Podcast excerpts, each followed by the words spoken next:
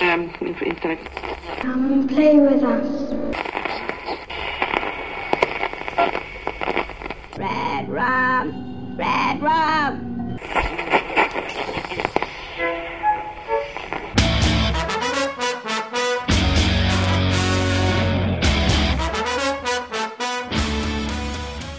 Witam wszystkich bardzo serdecznie, a szczególnie gorąco witam dziś nasze piękne słuchaczki.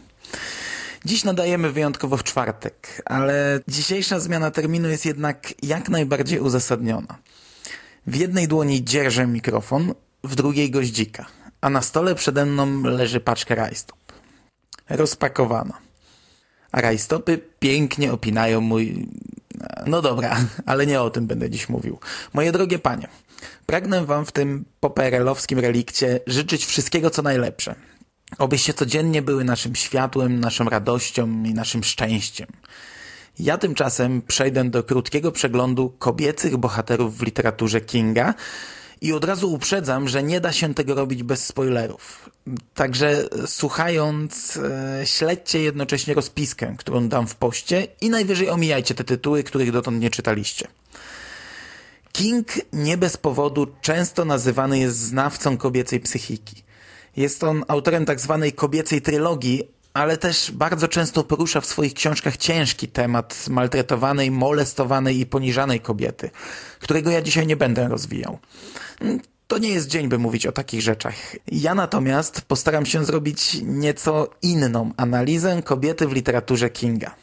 Okej, okay, zacznę zatem z grubej rury. Carrie White. The girl no one likes, and everyone makes fun of. The girl who lives in that creepy house with her crazy mother. White, główna bohaterka debiutu wydawniczego Kinga, powieści pod tytułem Carrie. Nieśmiała i wyszydzana licealistka. Nastolatka. Na co dzień szara myszka, poniżana przez rówieśników, która dysponuje jednak nadprzyrodzoną mocą telekinezy. Karieta była dziewczyną ułożoną, zdominowaną przez matkę, ale też grzeczną i posłuszną. Jej wielkim marzeniem było zostać królową balu i pójść z chłopakiem na hamburgera i piwo, ale też wrócić z zabawy wcześniej, by nie niepokoić mamy. Kandydatka na żonę, można by powiedzieć, ale e, panowie, nie dajmy się zwieść. Ta krucha i niewinna niewiasta jest odpowiedzialna za tak zwaną noc zagłady w miasteczku Chamberlain. Jej odpowiedzią na pobrudzoną sukienkę było 409 ofiar śmiertelnych, ponadto 49 uznano za zaginione, a 67 ofiar to uczniowie ostatnich klas szkoły średniej. Przez kolejne cztery miesiące po niefortunnym incydencie podczas balu maturalnego głównym zajęciem mieszkańców Chamberlain były pogrzeby. Jak podsumował to King, Chamberlain zmieniło się w wymarłe miasto. Nieliczni, zagubieni przechodnie wałęsają się bez celu po ulicach. Miasto sprawia wrażenie, jakby czekało na własną śmierć. Powiedzieć, że Chamberlain nigdy już nie będzie takie samo, to zbyt mało. Patrzę dalej na listę książek Kinga i przeskakuję od razu o 6 lat do powieści pod tytułem Podpalaczka. Charlie McGee is a healthy eight-year-old girl. Normal in every way. Charlie has the power. She can set things on fire. It is a power she does not want, a power she cannot control. Back off. A w niej mamy w zasadzie analogiczny przypadek, z tą różnicą, że tak jak Kerry wkraczała już w dorosłość, tak Charlie McGee ma jeszcze przed sobą kilka lat, by stać się kobietą. Nasza mała bohaterka także dysponuje supermocami, a dokładniej wymyślonym przez Kinga zjawiskiem pirokinezy. To także całkowicie niewinna osóbka, dla odmiany nie zdominowana przez rodziców, ale przez nich okaleczona. Jej supermoce są bowiem konsekwencją eksperymentu medycznego, w którym za czasów studenckich wzięli udział rodzice Charlie. Dziewczynka może i nie ma na swoim koncie całego miasta, ale na jej usprawiedliwienie przemawia fakt, że w przeciwieństwie do Kerry nie miała okresu. Niemniej wyprowadzona z równowagi niszczy całą kwaterę tajnej organizacji o nazwie Sklepik, a trzeba przyznać, że były to prawdziwe zakapiory z odznakami w garniturach. Książka nie podaje dokładnej liczby ofiar, ale można zakładać, że jest ona zbliżona do wyniku poprzedniczki. A biorąc pod uwagę brak menstruacji, możemy przyjąć, że jest remis. Na tych dwóch przykładach widzimy, że dojrzewające bohaterki u Kinga są rozchwiane emocjonalnie, no jak w życiu, ale ich reakcje dzięki Bogu są znacznie bardziej tragiczne w skutkach. Niemniej w życiu codziennym także odradzam wyprowadzać z równowagi nastoletnią, będącą w fazie dojrzewania istotę żeńską, szczególnie w te trudne dni. Ja tymczasem przechodzę do roku 1983 i tutaj mamy przykład nieco innej kobiety, aczkolwiek równie agresywnej. Choć w tym przypadku nie ma już mowy o humorach nastolatek, a o znacznie poważniejszym temacie, jakim jest kobieca zazdrość. She is seductive. She is passionate. She is possessive. She is pure. Evil. She is Christine, a 1958 Plymouth Fury, possessed by hell. Her previous owner is not alive to warn her present one. Once she lures you behind the wheel, you will be hers, body and soul. There is no place you can hide, no place you can run, and nothing you can do can stop her. Because how do you kill something that can't possibly be alive? Mówię tutaj oczywiście o książce Christine, opowiadającej o zabójczym samochodzie, który nie bez powodu ma kobiece imię. Lista ofiar jest zapewne mniejsza od dwóch poprzedniczek, ale też zupełnie inny modus operandi. Kryśka skupia się na konkretnej grupie ludzi. Jest to zwykle bardzo ograniczony zbiór. Choć trzeba zaznaczyć, że Krysia to kobieta w kwiecie wieku, a swoją morderczą działalność prowadzi cyklicznie od lat. My, panowie, możemy pochwalić się za wierność. Jak znajdzie nowego właściciela, którego pokocha i rozkocha w sobie, to jest już związek po grup. Niestety można zapomnieć nie tylko o ewentualnym skoku w bok, ale nawet o niegroźnym, niewinnym flircie. No, chyba że zaakceptujemy konsekwencje które na szczęście nie dotyczą nas, mężczyzn, a tylko ludzi z naszego otoczenia. Kryśka zabija bowiem potencjalne rywalki. No i niestety nie tylko te łóżkowe, ale również z najbliższej rodziny i to jest jej największy defekt. Zazdrość fanatyczna i nieracjonalna. Ja natomiast rozkładam ręce, patrzę w niebo i ponownie powtarzam, jak w życiu. Body by Plymouth, soul by Satan. Trzy lata później King znów powraca do kobiecej analizy i tym razem bierze na warsztat temat kobiety ciężarnej.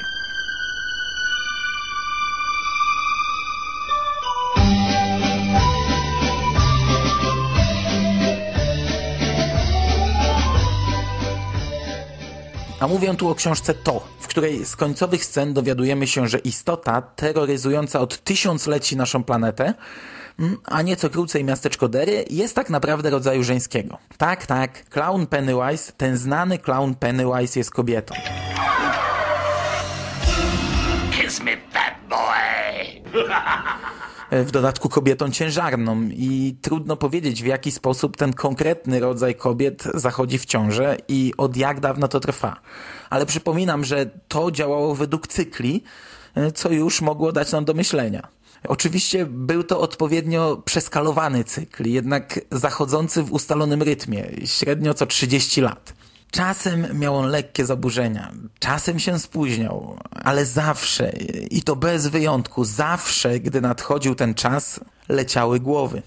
Ja przypominam tylko, że King daje wyraźne sygnały w książce, że to pojawienie się na Ziemi tej istoty spowodowało wyginięcie dinozaurów. Natomiast każdy kolejny cykl rozpoczynał się wielkim boom i podobnie się kończył. A w międzyczasie to, czy też ta, żywiła się małymi dziećmi. Dodatkowo nasza niewiasta zakłada maski. A kto widział swoją panią z rana bez makijażu i w nieładzie, mm, ten wie, że różnica jest spora.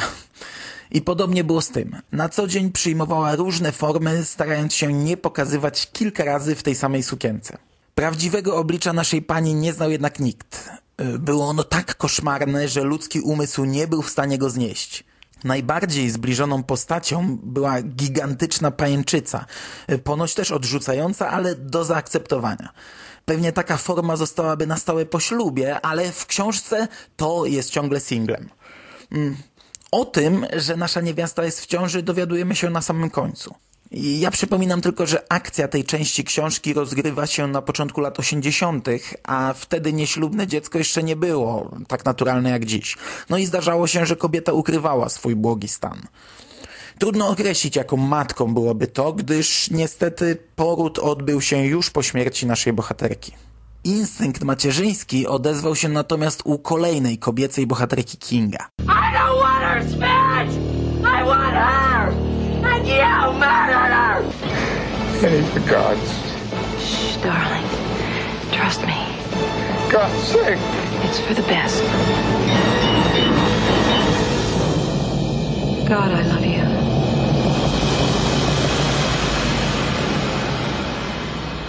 Annie Wilkes z książki Misery z zawodu jest położną. Jej hobby natomiast to zabijanie noworodków, choć nie tylko do nich się ogranicza. Mm, Ogólnie kobieta dość nietypowo pojmuje relacje pacjent-lekarz. Niestety ciężko jest mi tutaj znaleźć odwołanie z życia codziennego, by zachować przy tym humorystyczny ton. Mm, Jak doskonale wiadomo, chory facet e, to jest upierdliwe stworzenie i zapewne nie jedna pani nieraz chciała już zrobić to, na co mogła sobie pozwolić nasza bohaterka. No ale ja was proszę, naprawdę proszę. Gdy mężczyzna mówi, że jest chory, to tak jest. Gdy mówi, że boli go głowa, to znaczy, że boli jak jasna cholera. Gdy majaczy, to znak, że ma gorączkę. I nadopiekuńczość, jak w przypadku Annie Wilkes, jest tu jak najbardziej wskazana. No ale po co zaraz te nerwy? No po co?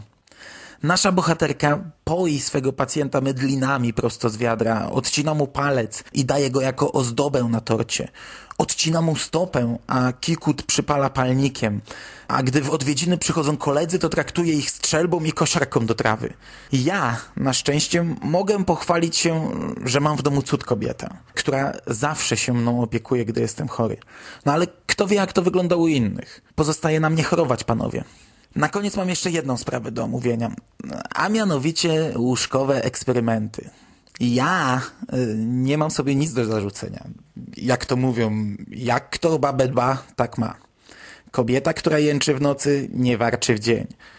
Czy też mniej poetyckie, dobry sprzęt pod dachem stoi, albo kto nie ma brzucha, ten kiepsko, no.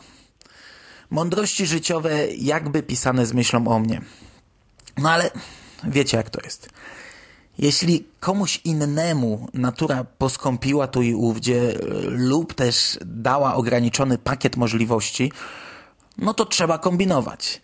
I na taki też pomysł wpadł bohater kolejnej książki, pan Gerald. Chłop postanowił skończyć z nudą i monotonią łóżkową i wprowadzić nieco pikanterii i egzotyki. Wymyślił sobie grę erotyczną, stąd i tytuł książki Gra Geralda. Jednak no, małżonce się to nie spodobało, więc go zabiła. Szkoda chłopa, ale cóż począć. I w ten sposób doszliśmy do końca. Mógłbym tu omówić jeszcze kilka mocno kobiecych książek Kinga, ale nie taki był zamysł na tę audycję. Chciałem zrobić szybki przegląd różnych kobiet w różnym wieku i w różnych stanach, a także w różnych stopniach rozchwiania nerwowego i emocjonalnego. Myślę, że w takim krótkim przeglądzie dałem w miarę dokładny obraz, jak to King postrzega kobiety w swojej wyobraźni i jak niewiele w tym przypadku fantastyka mija się z rzeczywistością. Tak jak powiedziałem na początku podcastu, King jest pisarzem, który doskonale zrozumiał umysł kobiety. I może nie bez przyczyny King nazywany jest też królem horroru. Wszystkiego najlepszego, drogie panie.